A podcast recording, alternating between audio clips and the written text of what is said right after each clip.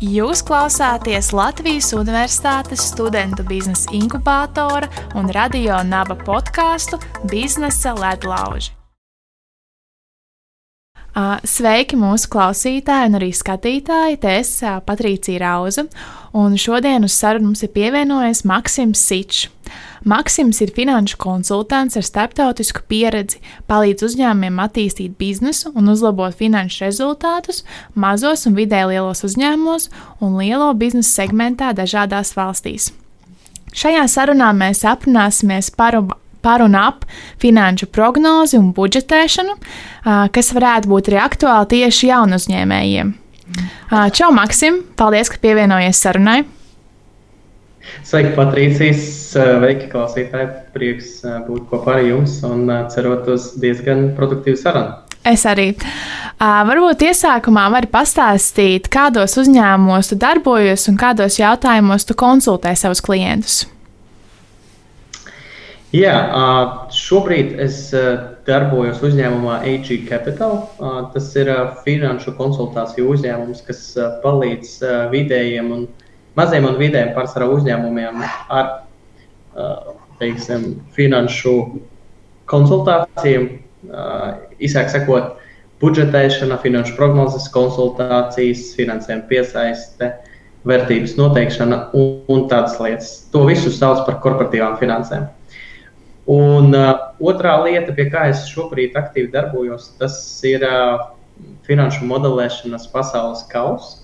Tas ir uh, mūsu diezgan sal salīdzinoši jauns projekts, ko mēs esam palaiduši kā AG Capital komanda īstenībā pagājušo gadu. Un šobrīd mēs organizējam kā, sacensības priekš finansistiem, tādas arī eksistē, kur finansisti var sacensties, uzvarēt naudas balvas, pierādīt, ka viņi ir labākie finansisti pasaulē. Tas ir tas, kas dotajā brīdī aktuāls. Tas, kas attiecas uz uh, klientu Mēs darbojamies gan Latvijā, gan ārzemēs. Mēs viņus konsultējam uh, finanšu jautājumos, e, iekļaujot arī finanšu plānošanu, iekļaujot finanšu analīzi un, un, un finanšu modelēšanu. Tas ir tāds vairāk, es teiktu, ārpakalpojums, kas virzīts uz ārzemēm, ir finanšu modelēšana, kas jo vairāk un vairāk paliek populārs. Ja mēs skatāmies gadus astoņus atpakaļ, tad tāds termins tikai parādījies. Tagad jau tas nonāk līdz vairākiem uzņēmumiem, un ik biežāk uzņēmumi saka par to aizdomāt. Mm -hmm. Un tev, kā finanšu ekspertam ar tik lielu pieredzi, kurš ir vadījis arī vairākas nodarbības biznes, dažādiem biznesa inkubatoriem, es ticu, ka ir viedoklis, kāpēc jaunu uzņēmējiem ir svarīgi būt finansiāli izglītotam un kādās situācijās tas viņam var palīdzēt. Jā, noteikti it kā liktos, ka jaunu uzņēmējiem varbūt vairāk vajag domāt par stratēģiju, produktu realizāciju un, un, un uh, go-to-market stratēģiju, kā saka, kā līdz tirgus nonākšanai stratēģija. Bet no otras puses, uh, naudas plūsma vienmēr ir ļoti izaicinošs jautājums, ir īpaši jauniem uzņēmumiem, jo jauniem uzņēmumiem, diemžēl, naudas daudz nav, un tā ir arī jāmenedžē diezgan cītīgi. Uh, Tāpat arī jauniem uzņēmumiem, kas uh, aug ļoti strauji, var parādīties diezgan daudz visādu risku. Nu, pieņemsim, uh, ir diezgan, uh, mums, manā pieredzē, ir diezgan spilgts piemērs. Ir bijis uzņēmumam, kas trīskāršojas savu apgrozījumu gadu laikā. Un tad uh, vienā brīdī, pēc pusgada, viņš atnāca pie mums un saka, jau mums nav kontā naudas, mēs eh, gandrīz bankrotējam, mēs nezinām, ko darīt. Mums apgrozījums aug, peļņa ir, uh, rezultāti ir nenormāli forši, bet mēs nevaram faktiski neatmaksāt nevienu rēķinu, kas notiek vispār. Un, uh, tāda situācija ir gadījusies dēļ tā, ka uzņēmumiem, šim uzņēmumam nebija sava finanšu analītiska vai nebija pietiekami labas finanšu plānošanas. Respektīvi, sanāca tā, ka, kad apgrozījums uh, palielinājās, uzņēmums sāk ražot vairāk, tad viņiem, kas ir jādara, viņiem jāuzsver papildus izēju materiāli, izēju vielas, uh, jāpieņem darbā jaunie cilvēki, jānodrošina tiem cilvēkiem vietas, mēbeles, datori un vispārējais apgrozījums augsts uzņēmums grib attīstīties. Tāpēc viņš sāk iegādāties apgrozamos līdzekļus. Un ne tikai. Varbūt arī, uh, varbūt arī uh, ilgtermiņa aktīvus, to arī viņš var darīt. Bet, uh, lai tie projekti sāktu atmaksāties, ir jāpaiet kādam laikam. Un vēl īpaši, ja mēs runājam par dažādām nozarēm, teiksim, būvniecību vai celtniecību, tur apmaksas termiņi ir diezgan gari. Jā, ja mēs runājam par nezinu, mazumtirdzniecību, tur klienti vai nu maksā uzreiz, ja tā ir vairumtirgotāji, tad tur varētu būt no 30 līdz 90 dienām apmaksas termiņš. Un, līdz tam laikam, kad mums klients naudu samaksās, vēl kaut kā ir jāizdzīvo. Un tad tas varētu gadīties tajā gadījumā, kad jaun uzņēm, jauns uzņēmums aug ļoti, ļoti strauji. Bet vienā brīdī iestājās likviditātes grūtības dēļ, tā kā mēs nevaram sagaidīt, kad jau tas klients mums samaksās to naudu. Kā, tas ir viens no piemēriem, viens no riskiem. Tā jau jaunam uzņēmumam cītīgi jāplāno savi līdzekļi, lai nebūtu jebkādas pat līdzīgas situācijas un, un nerastos uh, neparedzēti apstākļi, kad mēs nevaram atļauties šo vai šo darbību. Un, un tad mums jādomā, kur lai to naudu asapi jāmeklē. nu jā, pareizi ir ļoti svarīgi pamati ka tu sākumā ieliec labus pamatus, visu sakārto, un tad palēnām būvējot citādā kaut kādā uh, krīzes situācijā, tur uzreiz parādīsies tā nekārtība, kas ir bijusi sākumā.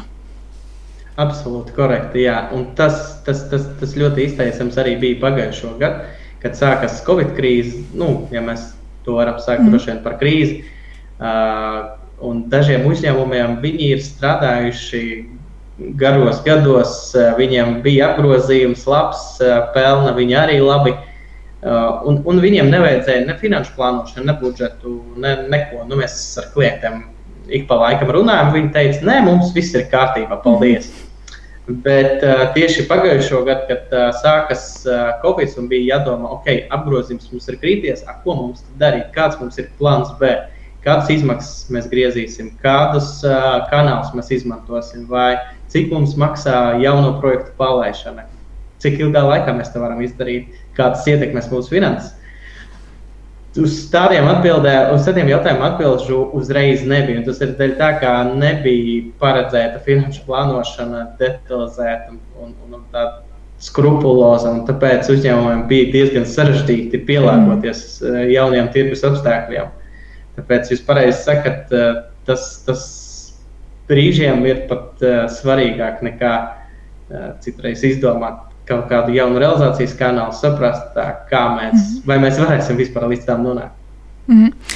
uh... Es īstenībā gribēju arī uh, mūsu skatītājiem pateikt, ka mēs ar Maksimu esam uh, pazīstami jau iepriekš. Viņš mums uh, inkubatorā, iekšējā hackathonā ietvaros vadīja nodarbību, kas pēc da dalībnieku atsauksmēm bija ļoti laba. Un šajā nodarbībā tika runāts par budžetēšanu finanšu plānošanu, jeb šo finanšu prognozi. Es domāju, ka mums noteikti vajag uzaicināt Maksimu, lai viņš padalās arī plašākajai auditorijai par šo tēmu. Un varbūt tu vari sākumā, pirms mēs ķeramies te klāt, ieskicēt, kāda ir atšķirība starp budžetu un finanšu prognozi. Kas to pirmais?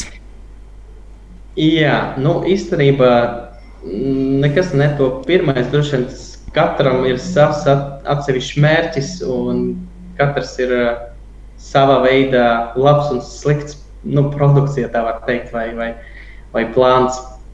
Respektīvi, finanšu prognozes parasti tas ir uh, diezgan uh, virspusējs uh, plāns vai finanšu prognozes, kas parasti iekļauj peļņas uz zaudējumu aprēķinu bilanci un naudas plūsmu, ko mēs veidojam priekš ārējiem lietotājiem konkrēti mērķa izpildē. Mm. Nu, pieņemsim, mēs gribam iet uz banku, mēs gribam piesaistīt finansējumu. Mēs taisām finanšu prognozes. Mēs gribam piesaistīt jaunu investoru uzņēmumu. Mēs rakstām, mēs taisām finanšu prognozes, kur mēs parādām, skaties, mums pēc pieciem gadiem būs tāda, tāda forša mm. rezultāti, investē mums. Mēs gribam regulātoram iesniegt stratēģiju, mums ir nepieciešams finanšu prognozes. Mēs to arī darām. Kas ir budžets? Budžets savukārt tas ir ļoti detalizēts finanšu konkrētai, uh, konkrētā laika izteiksmē uh, un naudas izteiksmē. Respektīvi, parasti budžets tiek veidots uz vienu gadu, varbūt arī garāks. Bet budžets sevi iekļauj visas operatīvas darbības, kas notiek uzņēmumā. Nu, kas mm -hmm. ir operatīva darbība? Tas ir uh, sadarbības nosacījumi ar, uh, nosacījumi ar sadarbības mhm. partneriem. Tas ir uh, avans maksājuma apmaksas dienas, cik ilgi piegādes laiki. Tas ir arī iepirkumi, kādus krājumus mēs turējam, kā, kāda tie krājumi ir naudas izteiksme, cik mums jāpasūta katra mēnesi klāt.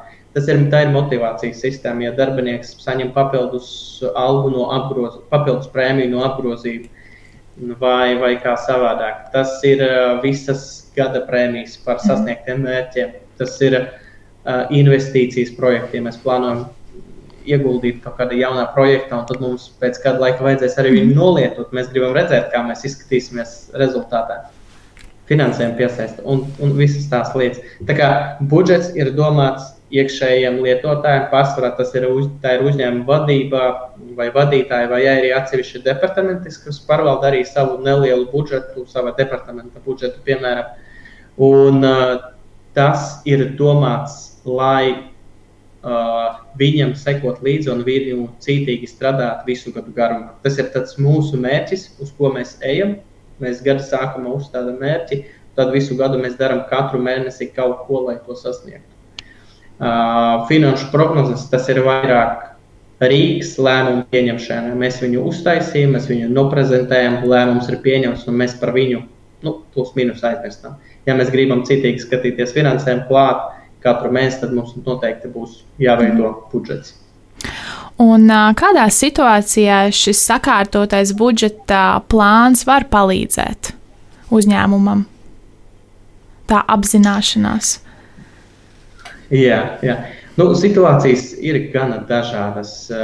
Vai, vai nu uzņēmums plāno palaist jaunu produktu, iet jaunajā tirgu, viņš grib redzēt, vispirms, vai viņš varēs to atļauties nofinansēt mm. no savas naudas, jo iespējams būs neparedzēti maksājumi, neparedzēti tēriņi, un viņš par to nebija padomājis. Tad mēs arī saplānojam to naudas plūsmu, izējot no mm, realizācijas, izējot no izmaksām, kas tur būs iekļautas un tam līdzīgi.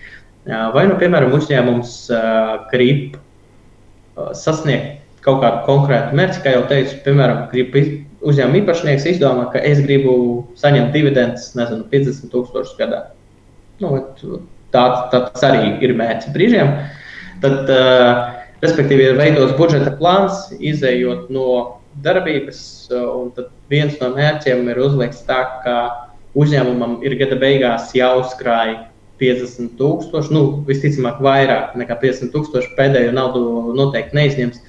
Uh, un tad, attiecīgi, tas finanšu plāns tiek veidots tā, lai uzkrātu to naudu. Vai, nu, piemēram, tieši otrādi mums finanšu plāns ir veidots, lai uh, palielināt apgrozījumu, tad mums lielāka daļa naudas aiziet atpakaļ apgrozījumā. Nu, es mhm. domāju, to mārketinga investīcijas vai, vai tam līdzīgi, vai jaunajos projektos, lai apgrozījumu palielinātu gadu beigās. Tā kā atkarībā no mērķa tas budžets varētu mainīties un, un, un viņš palīdz, respektīvi, sasniegt mūsu mērķus vai uzņēmuma mērķus, ja tā var teikt. Mm -hmm. Jā, man arī ir uh, piemērs galvā, tu man labojiet, tā nav. Uh, bet, manuprāt, uh, budžets palīdz arī apzināties uh, un sagatavoties uzņēmuma galvenajai sezonai. Pieņemsim, nezinu, kāzu organizatoru. Mēs zinām, ka viņu sezona ir vasarā, un tad viņi var laicīgi ieplānot, uh, uh, iebudžetēt naudu mārketinga aktivitātēm. Tas viņiem viss jau ir saplānots. Jā, tā ir, bet atkal šeit ar nelielu piezīmi. Uh, teiksim, profesionāli pakalpojumu sniedzēji, uh, budžets teiksim, tā, ir vajadzīgs droši vien uzņēmumiem, kuriem ir aktīvi, ko viņi pārvalda, ir kaut kāda vairāk procesu un tam līdzīgi. Ja tas ir kāzu salons un viņam tiešām ir vairāki darbinieki, viņiem ir uh, vairāki klienti, tas nav tā kā viens cilvēks, viņam ir trīs, pieci klienti, piecas kāds, kas viņam jānovada nu, tur īstenībā viņam, viņš pats sev saliek budžetu. Nu, tā plus mīnus viņš jau -hmm. zina, kad viņam, kas un, kad un kas būs. Ja tas ir jau paliek tāds pišķis lielāks uzņēmums, kur ir vairāki darbinieki, viens, kas piesaista klientus, viens, kas uh, veido realizāciju, trešais, kad administrē lietas, tad uh, noteikti tie uzņēmumi, kam ir uh, izteikta sezonalitāte, viņiem ir jāplāno. Es vēl pie šīs, uh, pie uzņēmumiem ar lielu sezonalitāti iekļautu celtniecības, būvniecības nozare, uh, lauksaimniecību, ir Un, un viņi ir ļoti atkarīgi, piemēram, lauksaimnieki, vai ir raža vai nav ražas, jo viņiem ir izteikta mm. sezona, kad no, jānoņem raža, un pēc tam pēdējā atlikušajā laikā viņiem īstenībā, nu, es negribu teikt, jāizdzīvo, bet viņiem jāgaida, kad sāksies atkal sezona, kad viņi varēs uh, uh, sākt ražot, jo viņi arī nevar tur ziemā nosacīt, mm. saražot uh, jebkādus augļus vai, vai, vai lauksaimniecības mm -hmm. produktus, jo vienkārši tas nav iespējams. Un, tāpēc, tāpēc, tā, tāpēc, tāpēc, tāpēc tādiem uzņēmumiem finanšu plānošana ir tiešām tas viens no rīkiem, kas būtu ļoti svarīgi, lai ievērotu, jo varētu iestāties situācija, kad sezonas laikā viss notiek, viss ir labi, un mēs strādājam un darbojamies un tā tālāk, bet nesezonas laikā mēs neesam saplānojuši, neesam sagatavojušies. Uh, Un tad vienā brīdī mums ir uh, līdzekļu iztrūkums, un atkal jādomā, kas, kur mums tagad meklēt līdzekļu, un bija slikta raža, un sākas atrodas visādas. Mm -hmm. Un, kā ir ar pieņemsim, krīzes situācijām, kā mums bija šeit pandēmija? Tu esi gada sākumā visu sabudžetējis, tu zini, kam tu plāno novirzīt naudu, bet pienāk šī krīze, ko tu, protams, nevari plānot. Tev arī budžets kaut kādā veidā var palīdzēt, vai ne? Pieņemsim, tu zini, kur tu to naudu, kas bija plānota kaut kam citam, vari pārvirzīt. Jā, tieši tā. Respektīvi, vēl zini, kā citreiz saka, ka Uh, nu, kā mēs varam budžetēt, ja nu, tie ir tik neparedzēti tirgus apstākļi? Nu, mēs budžetējam, mēs esam saplānojuši, ka mums būs mm -hmm. abnormāli labs apgrozījuma pieaugums, bet iestājas Covid, pandēmija, viss ir cieta, veikali cieta. Nu, kāda iegūta tā budžeta? Uh, To bieži vien uzdod uzņēmumi, bet atbilde ir ļoti vienkārša. Budžets viņš nav statisks, un uh, visādas lietas notiek. Var notikt pandēmija, var notikt krīze, var uh, notikt viss kaut kas. Un uh, ne tik bieži, bet ik pa laikam ir iespēja, ka arī to budžetu pārskata. Un uh, šis droši vien būtu viens no tādiem veidiem, kad to vajadzētu darīt. Bet pat galveno mērķi likt nevis uh, pārskatīt, lai plānotu ilgtermiņa attīstību, tīpaši, ja nav zināms, ka pandēmija beigsies, vēl ja mēs atgriežamies nezinu, pagājušā gadā, martā vai uh, aprīlī, bet uh, plānot tā, lai mēs varētu iekrāt naudas līdzekļus, mēs varētu apskatīties, kā mūsu lēmumu pieņemšana ietekmēs mūsu finanšu rezultātus, ietekmēs mūsu naudu kontā. Ja mēs atstātu visu kā ir, nu, pieņemsim, nesākam jaunus projektus, turpinām esošus, un tad skatāmies, kā situācija attīstīsies. Un, mēs redzējām, ka Labi, vasarā situācija uzlabojās, bet uh, tad, tad ziemā pagājušā gadā atkal viņa pasliktinājās. Atkal bija daudz uh, veikali, uzņēmumi bija vienkārši cieti, nevarēja strādāt un tā tālāk. Tas ir, respektīvi, tad, tas, tas budžets, ko, ko tu veido, viņš palīdz saprast, ja mēs pieņemsim, strādāsim attālināti, kā tas ietekmēs mūsu uzņēmumu. To visu var saprognozēt kas notiks, ja mums apgrozījums kritīsies par 30%, vai mums ir jāver ciet uzņēmums un jāiet mājās, vai mums vēl jāturpina strādāt, un mēs vēl varētu kaut ko uz, iekrāt, kaut ko samazināt vai, vai, vai, vai tam līdzīgi. Vai man atkal būs jāfinansē to no mana kabata, un es vairs to negribu mhm. darīt, jo es jau to daru pusgadu. Nu, tur ir ļoti daudz strateģiskas lietas, un, un, un, kas ir iespējams saplānot un uzreiz redzēt, kā, kādu efektu tas dos uz uzņēmuma rezultātiem. Mm -hmm. uh, tu jau nedaudz pieskāries uh, tam uh, situācijai, kad budžet, budžetu vajadzētu pārplānot vai pārskatīt, kas ir krīzes situācija, vai vispār ir uh, noteikts, vai vispār ir kaut kāda norma, cik bieži vajadzētu apskatīt un iziet cauri budžetam un kaut ko mazliet pielabot.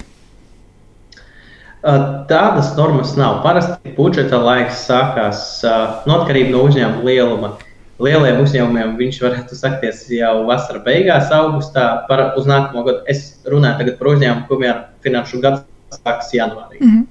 Uh, ir arī uzņēmumi, kuriem finanšu gads sākas uh, vasarā vidū vai, vai citos mēnešos. Par tiem mēs tagad nerunājam. Uh, tad, tad ir uzņēmumi, kas jau sāk veikt to plānošanu tur 3, 4, 5 mēnešus iepriekš. Bet parasti tas karstākā sezona ir sākot ar septembrī, oktobris, novembris, un tad decembrī uh, visi mēģina finalizēt un apstiprināt budžetu. Mm -hmm. Bet tas nevienmēr notiek, bet uh, kādi vēl janvārī, pat februārī, martā var stiprināt budžetus, apstiprināt, bet tie jau vairāk izņēmumi. Un uh, tad, uh, tad, tad, tad, kad, tad, kad tas budžets ir izveidots, pēc tam viņš ir paliek tāds kā rīks, uz ko mēs skatāmies kā uz, at, kā uz referenci. Mēs viņu negribam mēnesi labot un mainīt, jo tas ir mūsu mērķis, ko mēs izstādījām gada sākumā. Ja mums, mēs vienā mēnesī plānu neizpildījām, tas nozīmē, ka nākamajā mēnesī mums būtu jāstrādā dubultā. Un tā arī ir motivācija uh, visam uzņēmumam, visiem darbiniekiem, jo viņam nu, parasti budžets tiek veidots tā, ka arī darbiniekiem ir, ir interese to budžetu sasniegt, uh, motivācijas sistēmu vai tam līdzīgi. Un tāpēc ir tā lieta, ja vienā mēnesī kaut kas neiziet, tad nākamajā mēnesī tev būs jākompensē tas nu, gaps vai tas caurums, kas ir mm. izveidojies. Tāpēc viņu bieži vien nepaskata. To, ko es pieminēju, ka budžetu var pārskatīt, tas ir drīzāk tāds izņēmumu gadījumos, ka tiešām nu, pandēmija nu, nevar to redzēt. Bet, ja pieņemsim, mums vienkārši mūsu sadarbības partneris ar mums sadarboties, tā, un, un tas ietekmē mūsu budžetu vai realizāciju vai tam līdzīgi, tas nav īsti iemesls. Tas, tā ir operatīva darbība, un tam jābūt gatavam. Tas nav iemesls pārskatīt budžetu. Bet vispār es tagad runāju par budžeta izmaiņām mm -hmm. kaut kādām, bet vispār uh, strādāt ar budžetu vajag visu gadu caurumā, jo tas ir referents. Mēs skatāmies uz mūsu faktiskiem rezultātiem, salīdzinām, vai mēs izpildām vai neizpildām budžetu, vai mēs uh, sasniedzam, vai mēs kaut kādas izmaksas izpārtērējam nedaudz vairāk nekā bija plānots, vai visi, visi uh, nezinu, krājumi mums ir, nav pārāk daudz, nav pārāk maz. Respektīvi, at, referencēt uz to, ko mēs esam plānojuši, vai tas piepildās vai nē.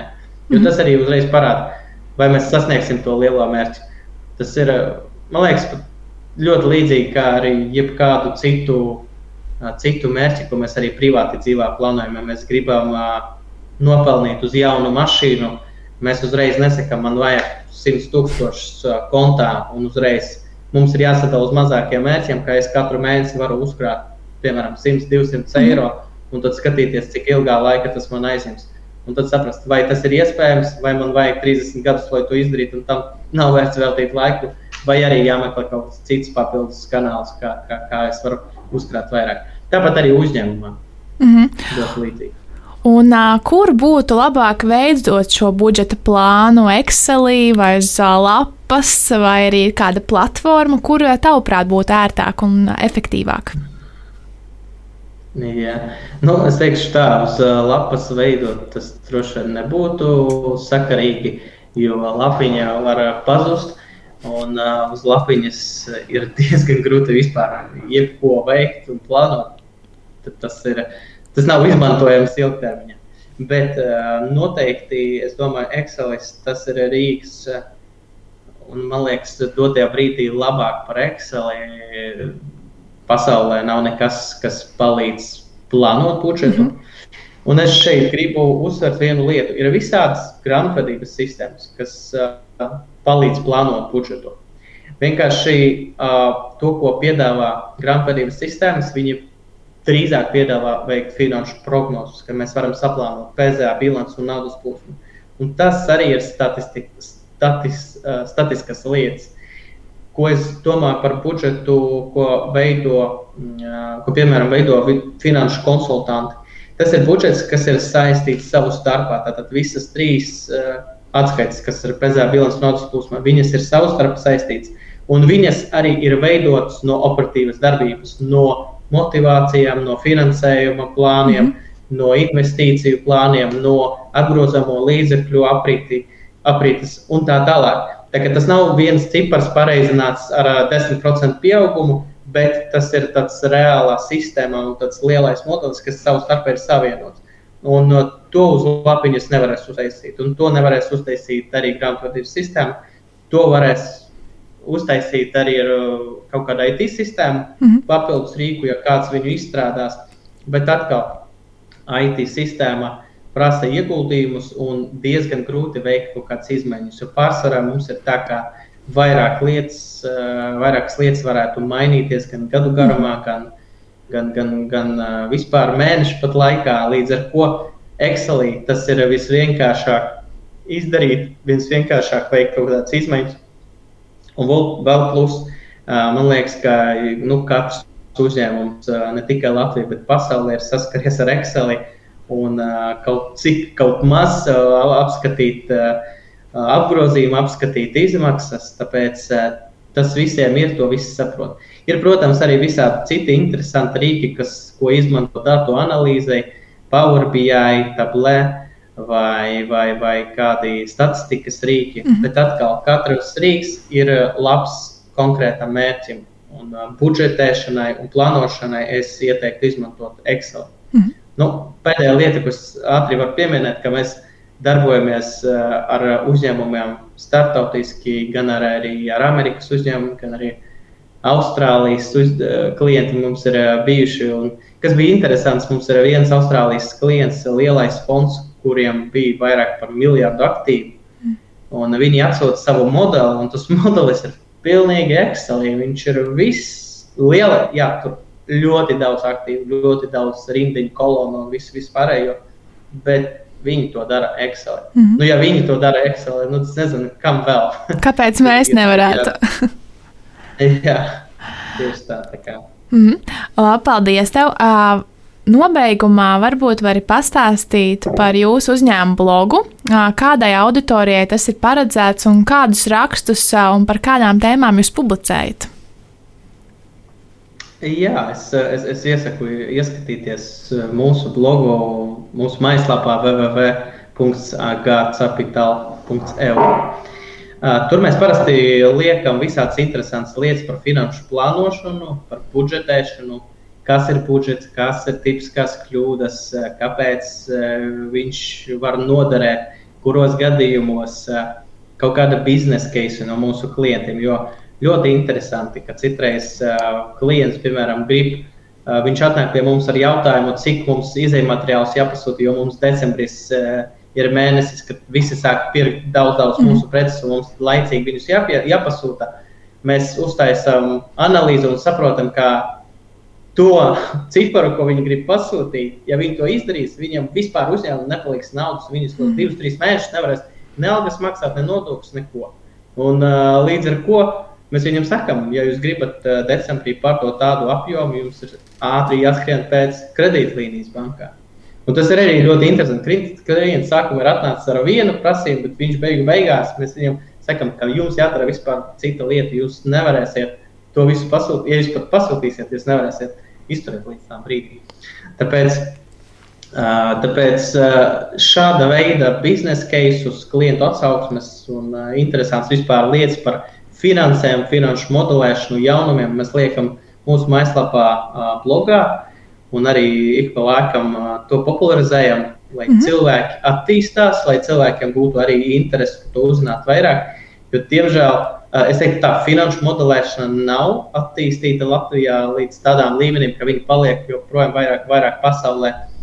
Un es domāju, ka tā, tā ir nu, vēl lauciņš, pie kura ir jāpiestrādā ne tikai mums, bet arī citiem uzņēmumiem, citiem finansistiem, lai tas iestrādātos vairāk mūsu mm. Latvijas uzņēmumos un, un cilvēkos. Jā, es pati arī izgāju dažiem rakstiem jūsu cauri, un es tiešām varu ieteikt, tāpēc, ka, manuprāt, tas bija diezgan, bija diezgan vienkāršā valodā, saprotamā uzrakstīts, un es domāju, ka jebkurš varētu sev atrast arī kaut ko interesantu un jaunu.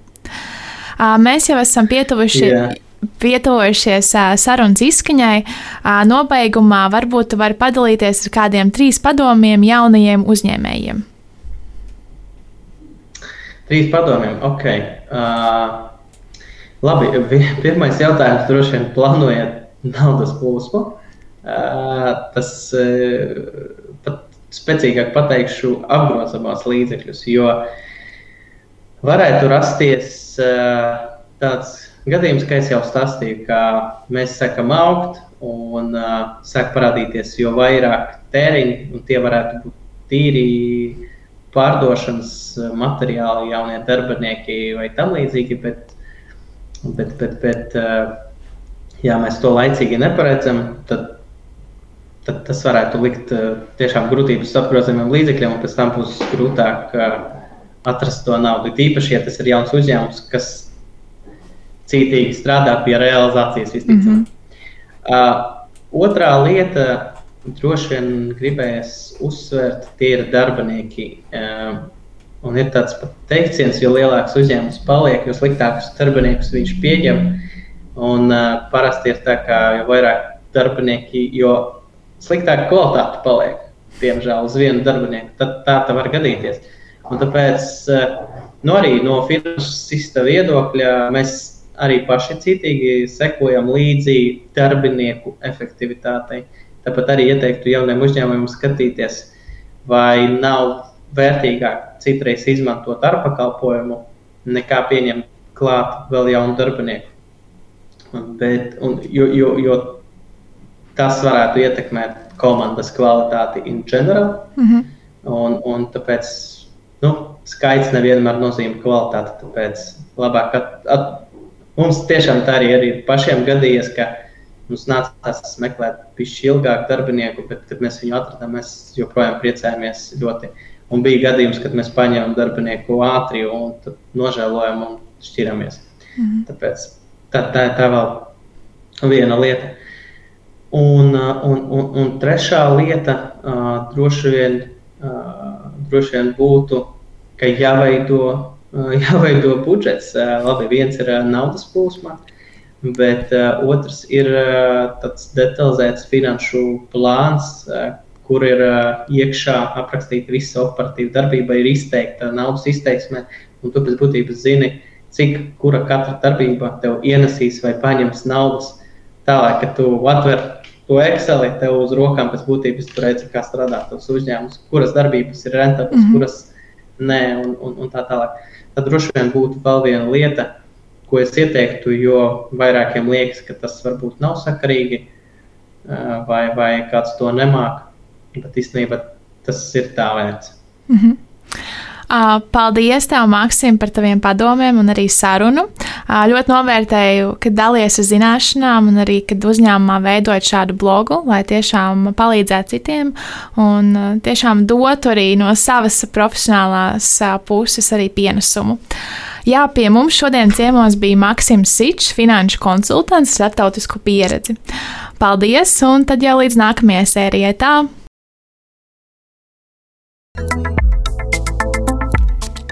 Jūs klausāties Latvijas Universitātes studentu biznesa inkubātora un radio naba podkāstu Biznesa ledlauži.